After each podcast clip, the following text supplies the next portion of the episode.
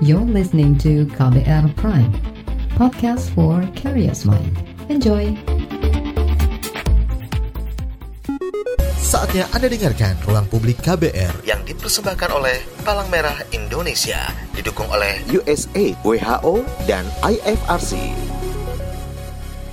Halo, selamat pagi. Kembali lagi kita berjumpa di Ruang Publik KBR yang hari ini di tanggal 18 Agustus 2020 siaran kita dipersembahkan oleh Palang Merah Indonesia yang juga didukung oleh USAID, WHO dan IFRC. Tema pagi hari ini adalah pahlawan di sekitar kita bersama saya Ines Nirmala. Dan memang di tengah pandemi ini semua lapisan masyarakat terkena dampaknya. Tapi di tengah bencana juga masih banyak orang di sekitar kita yang berjuang untuk membantu penanganan COVID-19.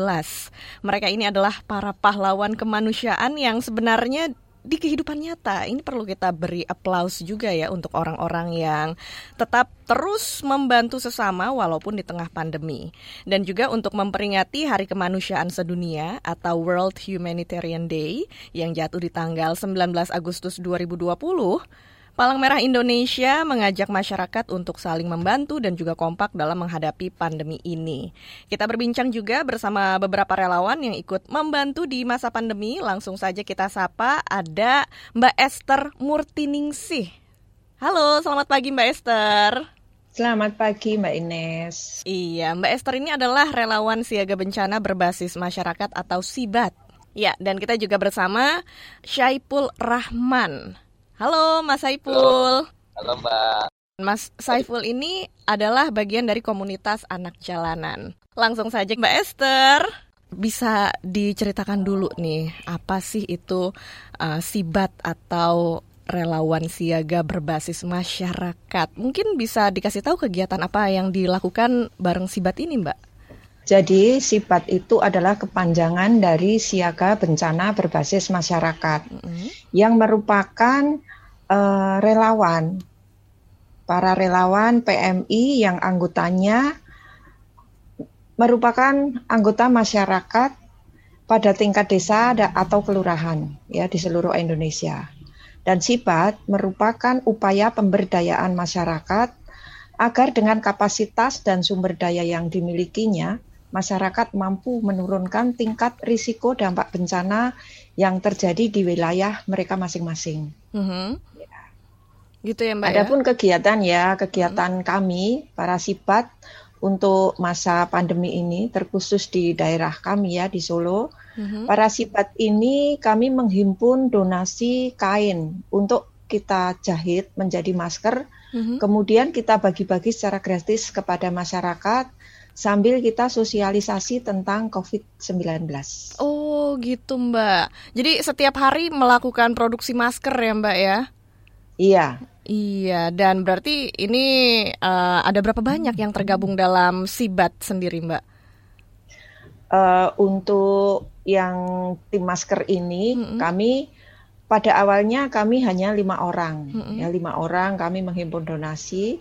Kemudian teman-teman yang lain akhirnya ikut bergabung sehingga sekarang mm-hmm. hampir semuanya ya memang semuanya tidak menjahit tapi mm-hmm. semuanya ikut andil dalam uh, sosialisasi dan membagikan masker kepada masyarakat yang membutuhkan. Oh, ya. gitu. Karena di awal-awal pandemi mm-hmm. uh, masker itu terjadi kelangkaan masker. Jadi iya. kami pun punya inisiatif untuk membantu masyarakat yang memang kesulitan untuk mendapatkan masker kita memberikan masker secara gratis ya, masker kain. Hmm. Jadi satu orang kita beri nggak cuma satu, ada yang dua, ada yang tiga, biar bisa untuk ganti-ganti. Oh ya. gitu. Dan Mbak Esther sendiri domisilinya di Solo ya Mbak ya? Iya, saya di Solo. Iya, ini gimana nih buat mengajak teman-teman supaya bergabung dari relawan uh, jadi relawan ini apakah kesukarelaan atau juga mencari orang nih? Ayo yuk gabung ke relawan Sibat ini gitu.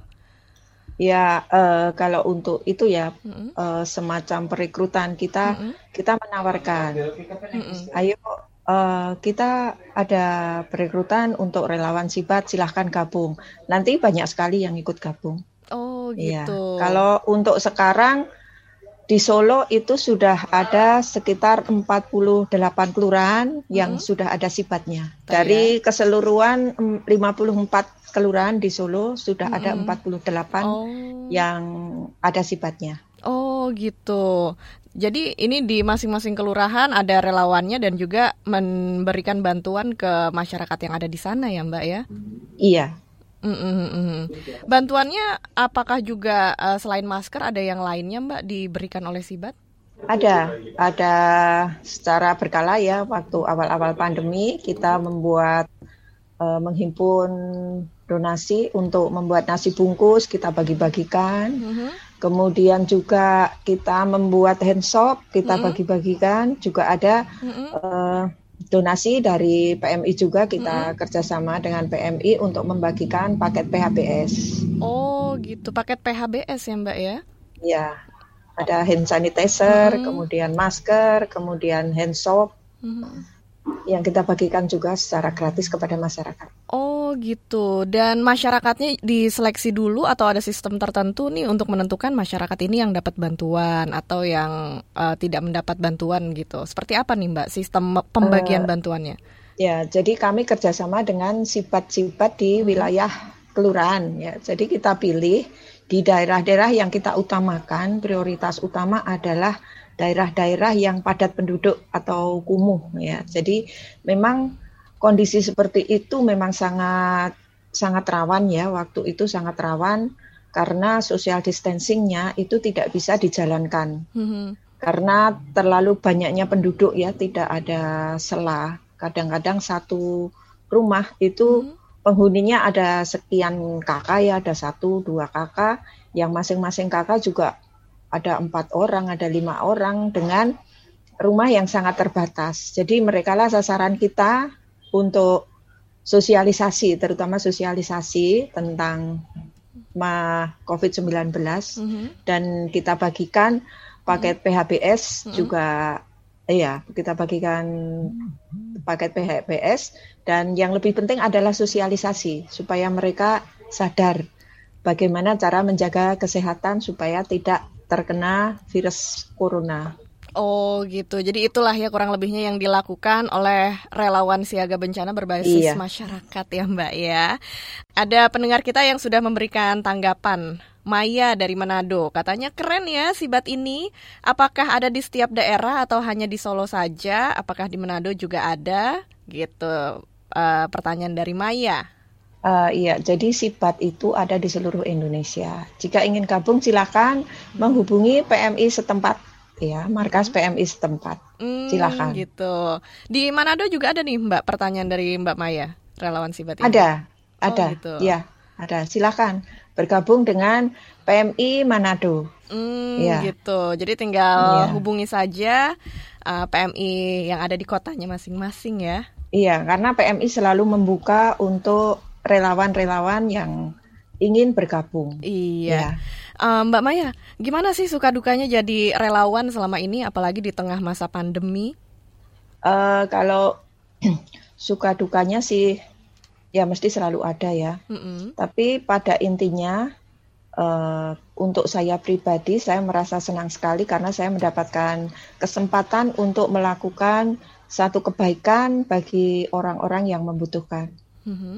Iya, iya pastinya sangat membantu untuk sesama juga ya, ya Mbak ya.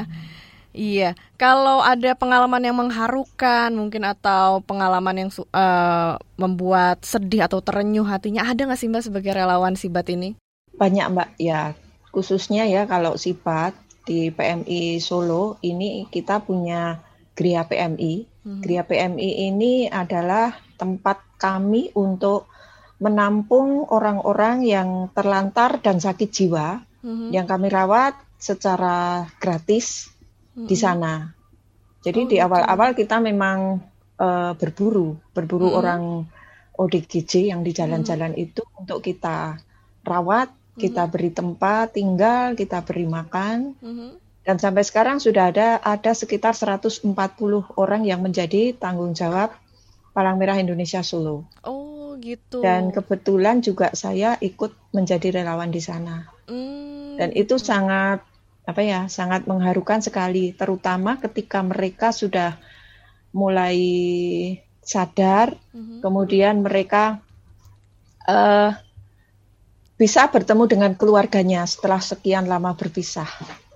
Gitu. Itu sangat mengharukan sekali. Iya, iya, iya, iya. Jadi mereka ini udah sekian lama gitu ya uh, dirawat di yeah. di Geria PMI ini gitu. Yeah. Akhirnya bisa pulih gitu ya, Mbak ya? Bisa, iya. Karena kondisi ketika awal dia masuk itu kondisinya dia lupa.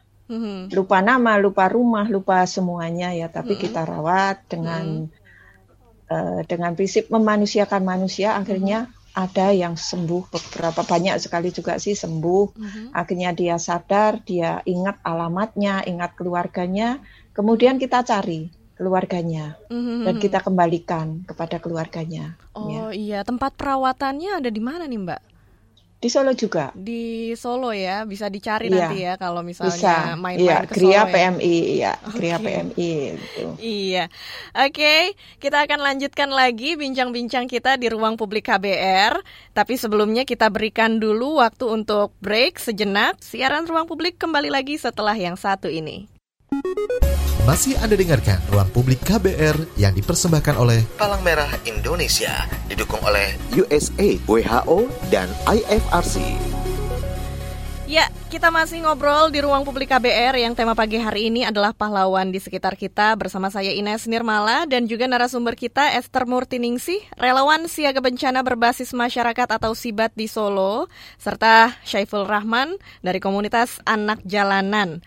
Langsung saja kita ke Mas Saiful Rahman. Bisa diceritakan nih, udah berapa lama Mas Saiful terlibat di komunitas Anak Jalanan? Saya dari dari kecil sebenarnya udah di jalanan, Mbak. Oh gitu. Dari umur uh, eh, SMP eh, SD kelas 5 saya udah turun di jalan mm-hmm. sampai sampai sekarang ini sebenarnya juga masih di jalan sebenarnya, Mbak. Iya. Yeah. Masih sering-sering nongkrong di jalan. Cuman yeah. sekarang kan uh, kita uh, udah udah beda lagi maksudnya dulu kan cuma main kalau sekarang nongkrong ke jalan tuh untuk ngerekrut ngerekrut anak-anak jalanannya mbak mm -hmm.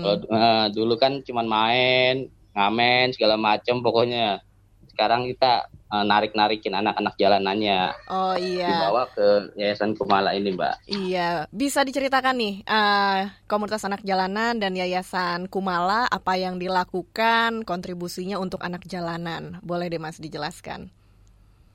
Yang dilakukan Yayasan Kumala ini jadi gini, Mbak. Kita merekrut anak-anak jalanan, misalnya kita keluar nih mencari anak-anak jalanan kita rekrut kita bawa ke yayasan kita bina keterampilannya nah kalau memungkinkan mereka untuk sekolah kita sekolahkan mbak mm-hmm. terus kalau misalnya mereka uh, pengennya uh, aktivitas lah aktivitas di yayasan ya kita kasih ke keterampilannya itu daur ulang kertas sama bank sampah mbak mm-hmm.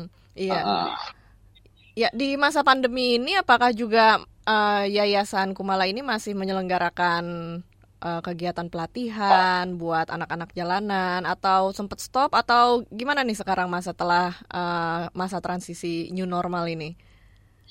Jadi kalau untuk sekarang kan masih pandemi ini ya, mm-hmm. paling kita kegiatan kita tuh uh, kayak penyemprotan disinfektan kayak mm-hmm. begitu mbak, membagi bagian sembako. Kalau untuk pelatihan-pelatihan sih belum, sekarang sih belum, tapi mungkin uh, mm-hmm. bulan depan kita mau mulai ada pelatihan lagi mbak. Hmm gitu, ya ya ya ya. Dan uh, ada pelatihan, ada bantuan juga kah buat anak jalanan atau keluarga-keluarga mereka yang disalurkan oleh Yayasan Kumala ini mas? Ada mbak. Uh -uh. Jadi uh, kita tuh pembagian sembako, masker, sabun, disinfektan segala macam mm -hmm. ke bina-binaan kita, ke masyarakat terdekat kita. Mm -hmm. Iya. Oke, dan kalau Mas Saiful sendiri nih, apa yang bikin Mas Saiful akhirnya mau deh terjun jadi relawan gitu, mau bergabung di Yayasan Kumala awalnya gimana tuh Mas? Awalnya juga saya juga mesti mikir-mikir gitu Mbak. Mm-hmm. Yayasan Kumala, maksudnya kita belum tahu tujuannya apa, maksudnya mm. apa, karena kan mm-hmm. kita dulu tuh direkrut, kita kan pikiran kita, mau dibawa ke mana nih kita nih mm-hmm. direkrut ataunya kita tuh dibinanya positif gitu mbak sampai mm-hmm. kita di sekolah kan saya juga ngalamin ya sampai saya disekolahin sampai SMP mbak. Mm-hmm. Jadi emang tamatan saya sih SMP doang. Iya, iya bagus itu mas. Ya untuk Yayasan Kumala ini sendiri ada di mana sih mas kalau boleh tahu? Yayasan kita berada di Jakarta Utara mbak, uh, di Jalan Budi Jaya. Daerah mana tuh mas Jakarta Utaranya? Daerah uh, Papanggo. Oh iya di sana ya Papanggo ya. ya. Oke, okay. ya. sekarang sudah ada pendengar kita yang juga ikut bergabung lewat telepon. Langsung saja kita sapa. Halo, selamat pagi, Angga. Iya, selamat pagi. Iya, Mas Angga di ya, Krukut ya? Iya, ya Mbak Ines. Iya. iya. Silakan nih Mas Angga, apa yang pengen ditanyakan iya, atau ingin memberi tanggapan? Saya ingin tanya sama Mas Epul ya. Mm -hmm. Uh, yang pertama untuk waktu ceri pada masa uh, jadi anak jalanan itu ada tantangannya nggak sih mm-hmm. seperti dibully atau mm-hmm. ya kayak misalnya berkelahi lah kayak berantem mm-hmm. atau gimana mm-hmm. kadang kan kalau anak jalanan kan kadang-kadang emosinya mm-hmm. kan susah dikontrol mm-hmm. nah ya itu mm-hmm. uh, gimana pernah nggak seperti itu mm-hmm. nah yang kedua mm-hmm. uh, waktu menangani anak jalanan mm-hmm. itu uh, pernah nggak sih uh, apa yang namanya ada kendala kayak misalnya hmm. anaknya ini ya istilahnya ngamuk apa anaknya ini misalnya ya karena belum terbiasa dirawat di yayasan apa bagaimana uh, pas pada waktu dirawat itu anak-anaknya itu kadang-kadang uh, susah nggak dirawatnya itu apa hmm. misalnya gampang apa kadang-kadang sering bandel lah. Iya, iya, iya. Nah, itu aja Mas Epul. Itu aja terima kasih Mbak Ines. Iya, terima kasih juga Mas Angga yang ada di iya, Krukut. Ya, selamat pagi. Selamat pagi. Mas Saiful, itu dia ada pertanyaan. Ya. Gimana pengalamannya uh, waktu jadi anak jalanan nih? Apakah tantangannya kayak berkelahi atau dibully atau seperti apa? Silakan diceritakan, Mas Saiful tantangan di jalanan banyak banget sebenarnya mbak. Iya. Ya namanya berantem itu sih biasa sebenarnya kalau untuk di jalanan. Mm-hmm. Kayak misalnya kalau ngamen ya mm-hmm. kebanyakan tuh basis-basisan gitu mbak. Misalnya saya ng- ngamen di lampu merah A ternyata di situ udah ada penguasanya kayak misalnya udah ada yang ngamenin. Mm-hmm. Nah kita di situ sempat cekcok dulu di situ mm-hmm. sampai apa namanya ya bener-bener ya kalau dibilang berantem berantem beneran gitu mbak. Karena saling mengu pengen menguasai tempatnya itu. Iya iya kayak gitu. Terus kalau misalnya di jalanan juga banyak yang namanya uh, hasutan-hasutan untuk ke jerumus-jerumus yang negatif itu banyak banget mbak. Iya iya. Cuman kalau diceritain emang banyak banget ceritanya itu mbak. Panjang sampai yang sampai kriminal-kriminal juga. Saya pernah ngalamin juga mbak. Jadi iya. dulu uh, malah sempat dulu tuh yayas eh, rumah singgah ya rumah singgah dulu. Kan sebelum yayasan ini kan namanya rumah singgah mbak. Mm-hmm. rumah singgah. Nah itu sempat saya jadiin markas mbak. Mm-hmm. jadiin markas itu mbak. Saya itu dulu gabung sama anggota-anggota yang ranmor ranmor mobil gitu mbak. Dulu tahun berapa itu saya lupa sih mbak. Mm-hmm. sampai di di rumah singgah itu ada tujuh unit mobil mbak yang hasil hasil emang ranmor itu mbak. Berat sampai, ya mas ya Oh, berat banget pokoknya Mbak sampai di situ kita ya saya pribadi belum belum sempat sadar gitu kalau misalnya itu tuh salah banget terus belum belum sempat sadar saya Mbak. Iya. Waktu itu sempat penggerbakan juga di yayasan Mbak mm -hmm. di rumah singgah ya mm -hmm. bukan yayasan rumah singgah mm -hmm. rumah singgah itu sampai barang buktinya itu tujuh unit mobil itu oh gitu jadi yayasan Kumala ini sebelumnya rumah singgah Mas ya jadi dulu itu rumah singgah setiap awan raharja jadi uh, rumah singgah itu kan biasa tempat anak-anak pengamen kumpul datang pergi datang pergi begitu mm-hmm. aja mbak yeah, nah yeah. abah abah tahun 2008 mm-hmm. mulai nih mulai membuat yayasan Kumala ini mm-hmm.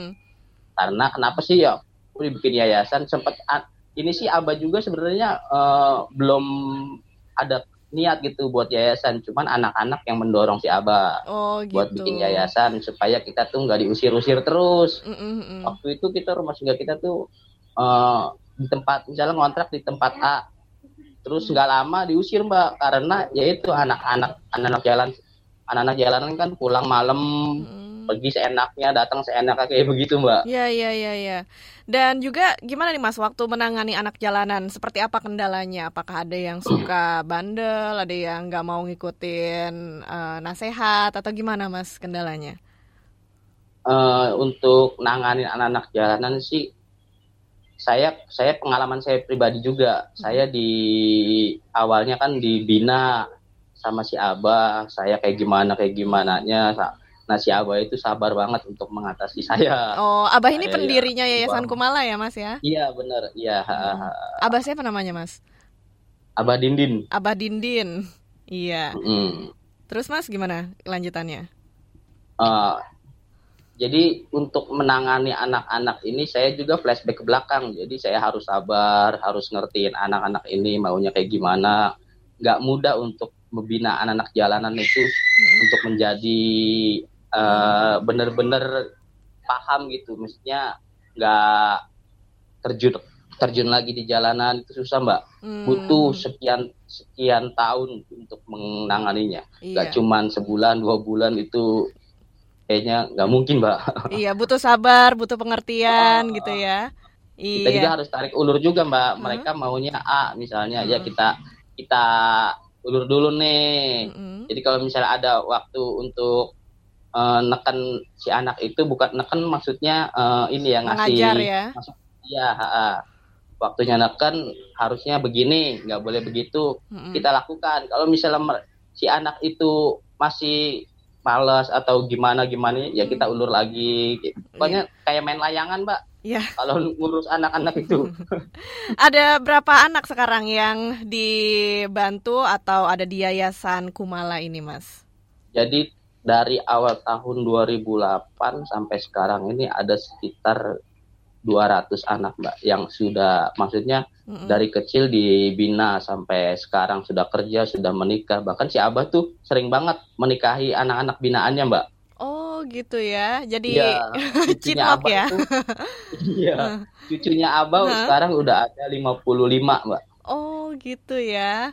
Yang udah dewasa-dewasa itu juga terjun lagi di yayasan untuk membantu anak-anak jalanan yang lainnya gitu ya. Iya benar. Uh, kontribusi mereka yaitu misalnya mereka sudah di sudah bekerja sudah mapan sudah pengen di luar silakan ama si abah lepas dilepas hmm. silakan kalau misalnya emang udah nih udah uh, fokus silakan hmm. di luar tapi mereka nggak lupa nggak lupa untuk hmm. yayasan hmm. nah mereka datang ke yayasan silaturahmi lah melihat anak-anak rame kalau misalnya sepi sama si alumni ini malah kadang ada tuh anak jalanan di sana baru kita samperin, kita yeah. tarik, kita rekrut kayak begitu, Mbak. Iya. Yeah. Oke, okay. kita akan lanjutkan hmm. lagi cerita kita di siaran ruang publik kali ini. Kita akan kembali setelah yang berikut ini. Masih Anda dengarkan Ruang Publik KBR yang dipersembahkan oleh Palang Merah Indonesia, didukung oleh USA, WHO, dan IFRC. Kembali lagi di siaran Ruang Publik KBR bersama saya Ines Nirmala dan juga narasumber kita Ibu Esther Murtiningsi, relawan siaga bencana berbasis masyarakat Sibat di Solo dan juga Mas Syaipul Rahman dari Yayasan Kumala. Buat Anda yang ingin mendengarkan lagi siaran Ruang Publik hari ini juga bisa mendengarkan lewat podcast Ruang Publik di kbrprime.id. Bu Esther dan Mas Syaiful, udah banyak nih yang juga bergabung lewat YouTube serta WhatsApp kita. Ada uh, Wempi Raharjo yang katanya semangat terus untuk Sibat PMI Solo dalam masa pandemi ini. Salam buat rekan-rekan Sibat. Terus ada Wiwit Indonesia Maju pahlawanku dan juga Bimo ada yang bilang uh, salut sekali untuk semua para relawan COVID-19 di episode kali ini sehat selalu dan terima kasih atas kontribusinya. Ya, ke Mbak Esther dulu deh sekarang nih. Mbak, selama menjadi relawan di Sibat ini apakah ada hambatan atau tantangan yang ditemui dalam melakukan kegiatan-kegiatannya, Mbak? Iya uh, kalau tantangannya memang sangat banyak ya karena kita menghadapi masyarakat dengan karakter yang uh, berbeda-beda. Yeah. Uh, ada kalanya kita datang ke satu tempat, kita sosialisasi, mereka tidak mau menerima karena mereka uh, marah-marah juga ada karena oh, gitu. apa? Gimana mau social distancing ini ini ini gitu. Mereka susah banyak sekali yang kita hadapi seperti itu. Jadi memang memang itu satu tantangan di lapangan. Iya. Nah, gimana? Tapi ya, uh -uh. Bagaimana menghadapinya uh, tuh, Bu? Orang-orang yang yeah. ketika diberi sosialisasi tapi ah nggak mau ikut gitu. Ya, kita memang kita pakai trik. Jadi kita men, uh, mendekati mereka door to door.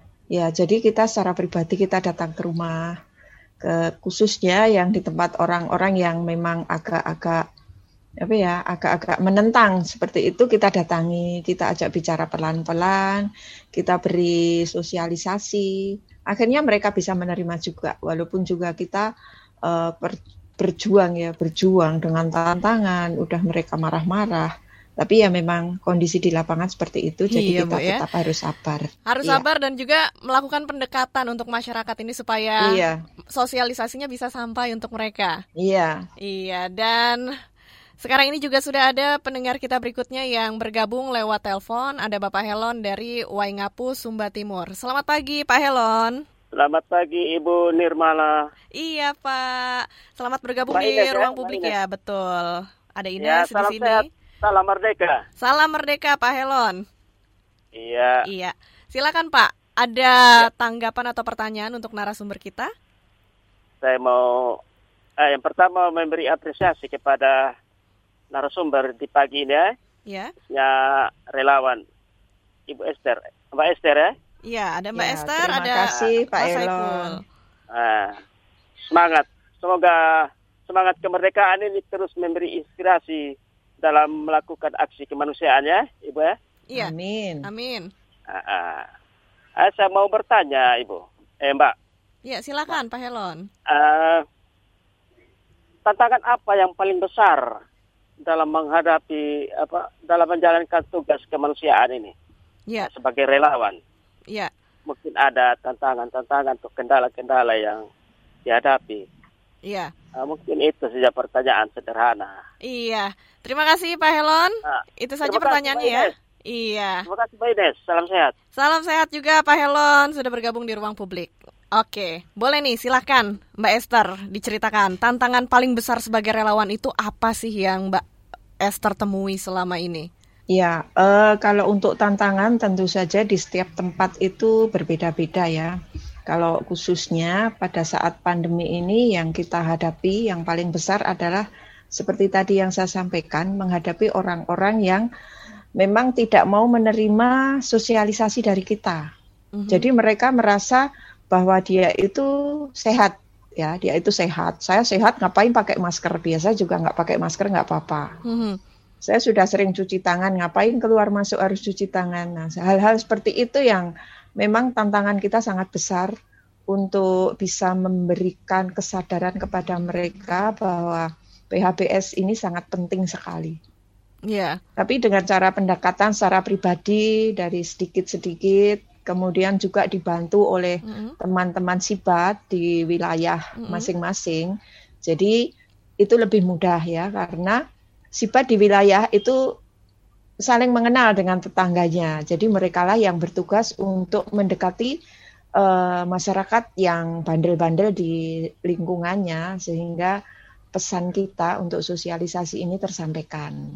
Oh gitu ya. ya. Seperti itu. Itu khusus di pada saat pandemi ini ya. Tapi kalau untuk hal-hal hmm. lain, misal di kebencanaan, hmm. itu tantangan yang kita hadapi paling besar adalah menghadapi orang yang memiliki trauma atas bencana yang terjadi ya. Misal dia punya keluarga yang menjadi korban, itu itu sangat berat karena mereka mm-hmm. ada trauma mm-hmm. dan mereka ada ketakutan dan lain sebagainya itu juga sangat sulit. Ya, kalau Mbak Esther sendiri sebagai relawan uh, pernah menghadapi bencana apa tuh Mbak? Bencana alam kah? Uh, atau seperti ya, apa? Ya, saya pernah bertugas di Lombok waktu hmm. TDB, kemudian hmm. juga di Palu waktu ini recovery. Hmm. Cuman waktu di Palu belum selesai karena ada COVID ini, saya hmm. harus pulang. Hmm. Jadi kemungkinan nanti dilanjut lagi. Oh gitu. Selesai COVID ya. Ya, pengalamannya pasti banyak banget ya, banyak tantangan, banyak cerita sebagai seorang relawan. Nanti kita akan iya. uh, ngobrol juga gimana nih uh, tantangan sebagai relawan dari Mas Saiful. Tapi sebelumnya kita ajak ngobrol dulu pendengar kita yang sudah bergabung lewat telepon. Ada Sinta di Bogor. Halo, selamat pagi Sinta. Halo, selamat pagi. Iya, Mbak Sinta, selamat bergabung di Ruang Publik KBR. Ada iya. yang ingin disampaikan atau ditanyakan untuk narasumber kita, silahkan. Iya, aku mau nanya soal sibat. Uh, tadi aku dengar uh, sekarang ini sedang di masa pandemi um, membuat masker gitu ya. Terus juga pernah merawat orang-orang dengan gangguan jiwa. Nah, uh, pernah nggak Sibat juga mungkin uh, berperan atau berpartisipasi dalam hal lingkungan gitu kegiatannya? Terus juga kan ini kan relawan ya. Nah, relawan kan kadang apa kata orang anget-anget tai ayam gitu loh. Ketika suatu masa dia semangat sekali, ujung-ujungnya ya kendor, nggak mau lagi ikut kegiatan. Nah itu bagaimana Sibat uh, menghadapi relawan yang seperti itu tadi yang tidak konsisten. Itu aja, terima kasih. Iya, terima kasih Sinta. Oke, Mbak Esther, mungkin bisa langsung nih dikasih tanggapan. Apakah Sibat juga berpartisipasi di kegiatan-kegiatan yang berhubungan dengan lingkungan? Uh, iya, jadi Sibat kami ya, terutama di Solo, kami memang bergerak di bidang kebencanaan, otomatis. Mm-hmm. -huh. Kami juga uh, melakukan perbaikan ekosistem ya lingkungan. Jadi yang kami lakukan adalah menanam akar wangi di bantaran Bengawan Solo.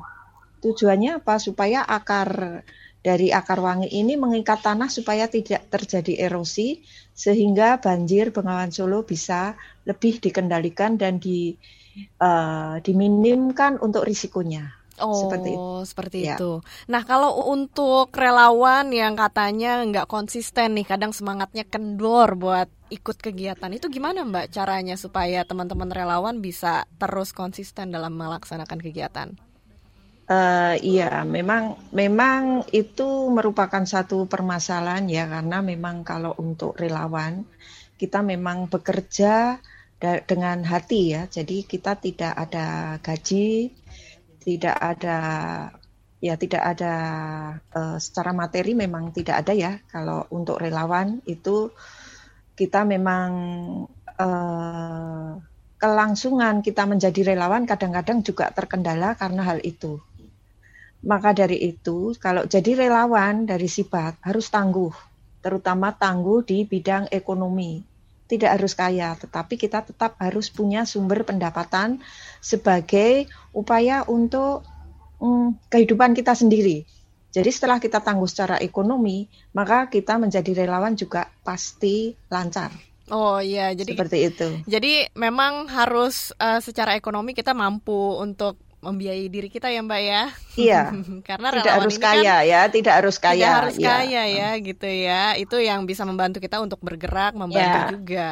Ya, tetapi kalau untuk Solo ya, sifat mm -hmm. Solo kami punya ketahanan pangan. Mm -hmm. Jadi kami punya upaya untuk memanfaatkan pekarangan yang terbatas, kita tanami macam-macam tanaman, sayur secara ya kita pakai sistem hidroponik Oh. Ya, untuk lahan terbatas karena memang kita di perkotaan jadi tidak ada lahan, kita menanam sayuran. Ya. Dan itu uh, sudah mulai dari tahun 15 ya, akhir 15 sampai hmm. sekarang. Ya. Dan itu sudah bisa mendatangkan manfaat ekonomi bagi anggota sibat ya. oh, ya. Memang tidak semuanya tapi ya. ada ada iya. ya pemasukan juga ya. untuk para relawan. Ya. ya. Oke. Okay. Seperti itu. Iya. Dan kita juga angkat telepon dulu. Berikutnya ada pendengar kita Amin di Imogiri yang sudah bergabung. Pagi. Selamat pagi Pak Amin. Ya. Ya silakan. Pak Amin punya pertanyaan apa untuk narasumber kita? Iya, saya uh, menyemangati tentang uh, kepedulian relawan mm -hmm. di masa pandemi ini. Itu saya support banget untuk berbagi Dan yang ke satu, eh, eh, terus yang kedua, saya juga punya ini ada kak kalau di daerah Jogja ini, saya juga punya keluarga yang ada ke gangguan jiwa juga. Nah, Ya. Jadi kalau di Jogja itu ada nggak eh, kalau mau menghubungi ke mana? Iya. Dan juga masalah bantuan-bantuan, saya ingin eh, menyalurkan orang-orang yang nggak mendapatkan bantuan dari pemerintah bisa nggak tolong dibantu supaya eh, mereka bisa ber ya berbagi lah untuk bisa makan. Terima kasih. Assalamualaikum. Ya, Waalaikumsalam. Terima kasih itu dia Pak Amin dari Imogiri Jogja yang sudah bergabung. Dan pertanyaannya kita tampung dulu, akan kita jawab setelah break yang satu ini. Jangan ke mana-mana, tetap di Ruang Publik KBR. Masih Anda dengarkan Ruang Publik KBR yang dipersembahkan oleh Palang Merah Indonesia, didukung oleh USAID, WHO, dan IFRC.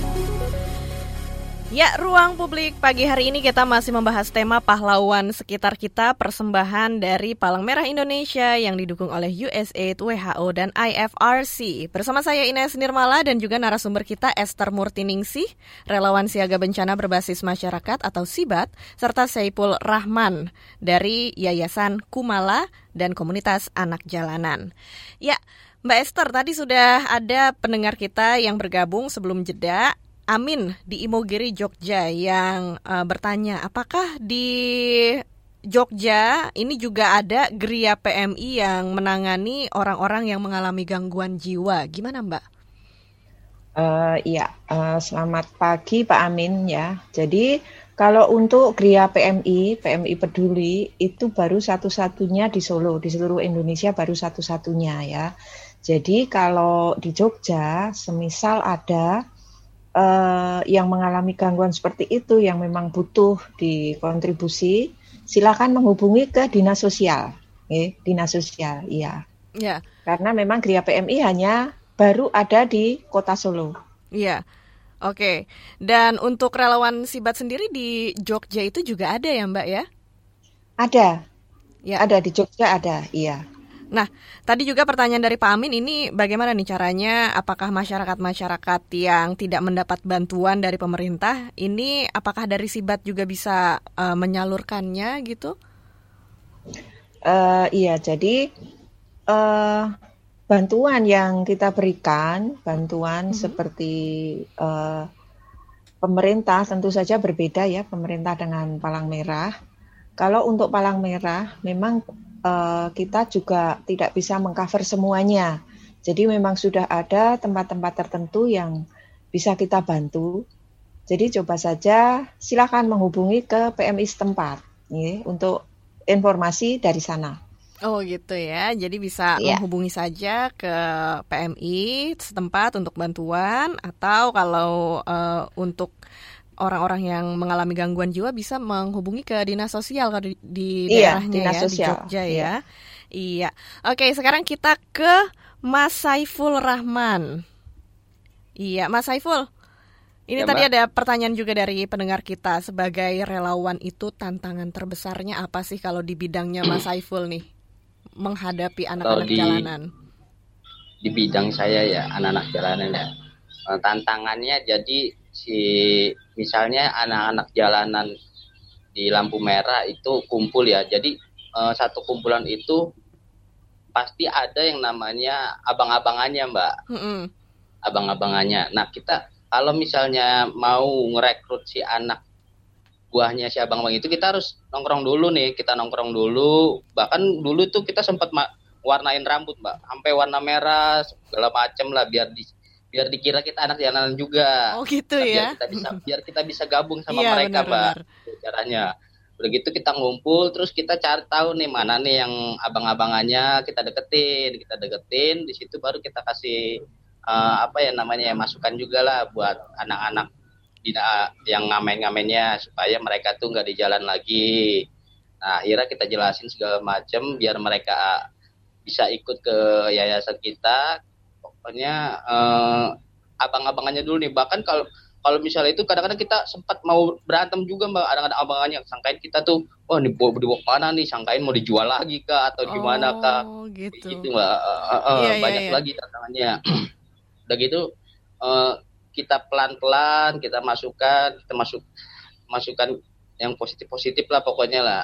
Kegiatan Yayasan Kumala pun ada begini begini begini kita jelasin. Kalau misalnya abang-abangannya itu masih kurang percaya kita ajak abang-abangannya ke yayasan abang-abangannya dulu nih kita ajak ke yayasan tinggal di yayasan beberapa hari kalau misalnya mau seterusnya kan lebih bagus itu kita ajak nah nanti si abang-abangannya itu udah yakin nih misalnya sama yayasan Kumala nanti diajaklah si bina-binaannya abang-abangannya itu ke yayasan Ya. Itu sih Mbak tantangan ya. kita. Ya jadi memang butuh waktu, butuh proses juga ya, Mas Saiful ya. ya. Untuk uh, mengajak anak-anak ini uh, masuk ke Yayasan Kumala gitu ya. Hmm. Iya. Nah, memang uh, kita sebagai masyarakat juga harus bergerak dan saling menolong ya di tengah kondisi sulit seperti ini. Kondisinya gimana Mas anak-anak jalanan yang uh, sekarang ini di tengah pandemi gitu ya? Mereka apakah masih juga uh, bekerja kah di jalanan atau gimana Mas setelah bergabung dengan Yayasan Kumala?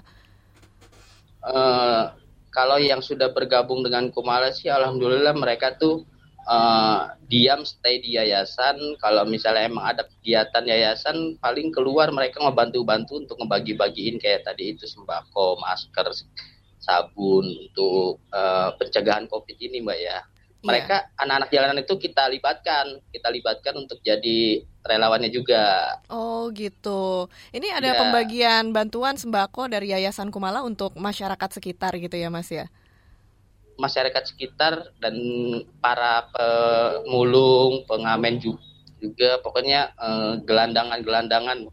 Oh. Jadi kita tuh uh, bekerja sama dengan Kementerian Sosial uh-huh. untuk membagi-bagikan sembako yang yang emang belum kedata sama pemerintah, Mbak. Oh. Kan selama ini kan masih banyak, Mbak, yang yang belum kedata sama pemerintah banyak. Misalnya di gangan di gangan saya nih ada nih satu rumah kebagian tetangganya enggak itu kan jadi gimana gitu ya yeah. nah itu yang kita data kita data kita kumpulin datanya mm -hmm. kita kumpulin datanya kita serahkan ke Kementerian Sosial nah Kementerian Sosial nurunin sembako baru mm -hmm. Oh gitu ya Ya, yeah. jadi kalau anak-anak yang dirawat di Yayasan Kumala itu mereka stay aja di situ ya, udah uh, tempat tinggalnya di sana, makannya juga yeah. di sana gitu ya, Mas ya? Iya, yeah, Mbak. Uh, uh. Ya, Oke, mungkin uh, di akhir acara ini Mas Saiful ada pesan-pesan untuk pendengar kita apa yang pengen disampaikan nih Mas? Kalau untuk saya pribadi, jadi uh, bukan bukan pesan sih ini Maya. Uh, lakukanlah hal kecil yang kita bisa. Ya. Jadi nggak usah yang gede-gede dulu, mulailah dari yang kecil yang kita bisa aja. Iya. Lakukan dari hal kecil yang bisa bermanfaat buat orang-orang di sekitar kita ya, Mas ya. Iya benar mbak. Iya. iya. Oke sekarang ke Bu Esther nih Bu. Iya. Ini memang apa yang kita lakukan untuk sesama kita juga bisa jadi contoh ya Bu dan mudah-mudahan hal yang kita lakukan uh, dalam masa pandemi ini juga bisa terus membantu memberi untuk sesama. Nah kalau Bu Esther iya. sendiri mungkin ada pesan-pesan untuk pendengar kita di akhir acara ini Bu? Uh, gunakan kesempatan kita setiap hari untuk berbuat baik Jangan menunggu kaya untuk melakukan sesuatu kepada sesama. Iya, iya dan satu lagi ya Bu ya, tetap mematuhi protokol kesehatan. Iya, jangan iya. lupa cuci tangan, pakai iya. masker dan jaga jarak. Ya. Iya, karena banyak masyarakat juga yang masih bandel nih ya di masa pandemi iya. ini nggak mau pakai masker, sekali. cuci tangan juga. Ah, ngapain cuci tangan? Gitu kan? Iya, iya betul. Iya, oke. Terima kasih banyak untuk Bu Esther dan juga Mas Saiful udah ngobrol-ngobrol dan memberikan pengalamannya di ruang publik kali ini, edisi pahlawan sekitar kita. Ya, semoga pekerjaannya terus lancar, aktivitas kegiatannya untuk membantu sesama terus lancar Amin. juga ya Bu ya dan Mas Saiful ya. Oke, terima kasih atas waktunya di Ruang Publik KBR dan untuk Anda yang ingin mendengarkan lagi siaran Ruang Publik KBR, Anda bisa mendengarkan lewat podcast Ruang Publik, tinggal dicari di www.kbrprime.id.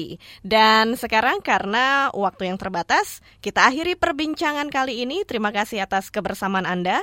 Saya Ines Nirmala undur diri. Salam.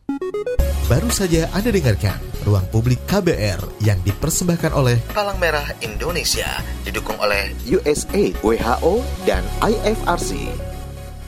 KBR Prime, cara asik mendengar berita. KBR Prime, podcast for curious mind.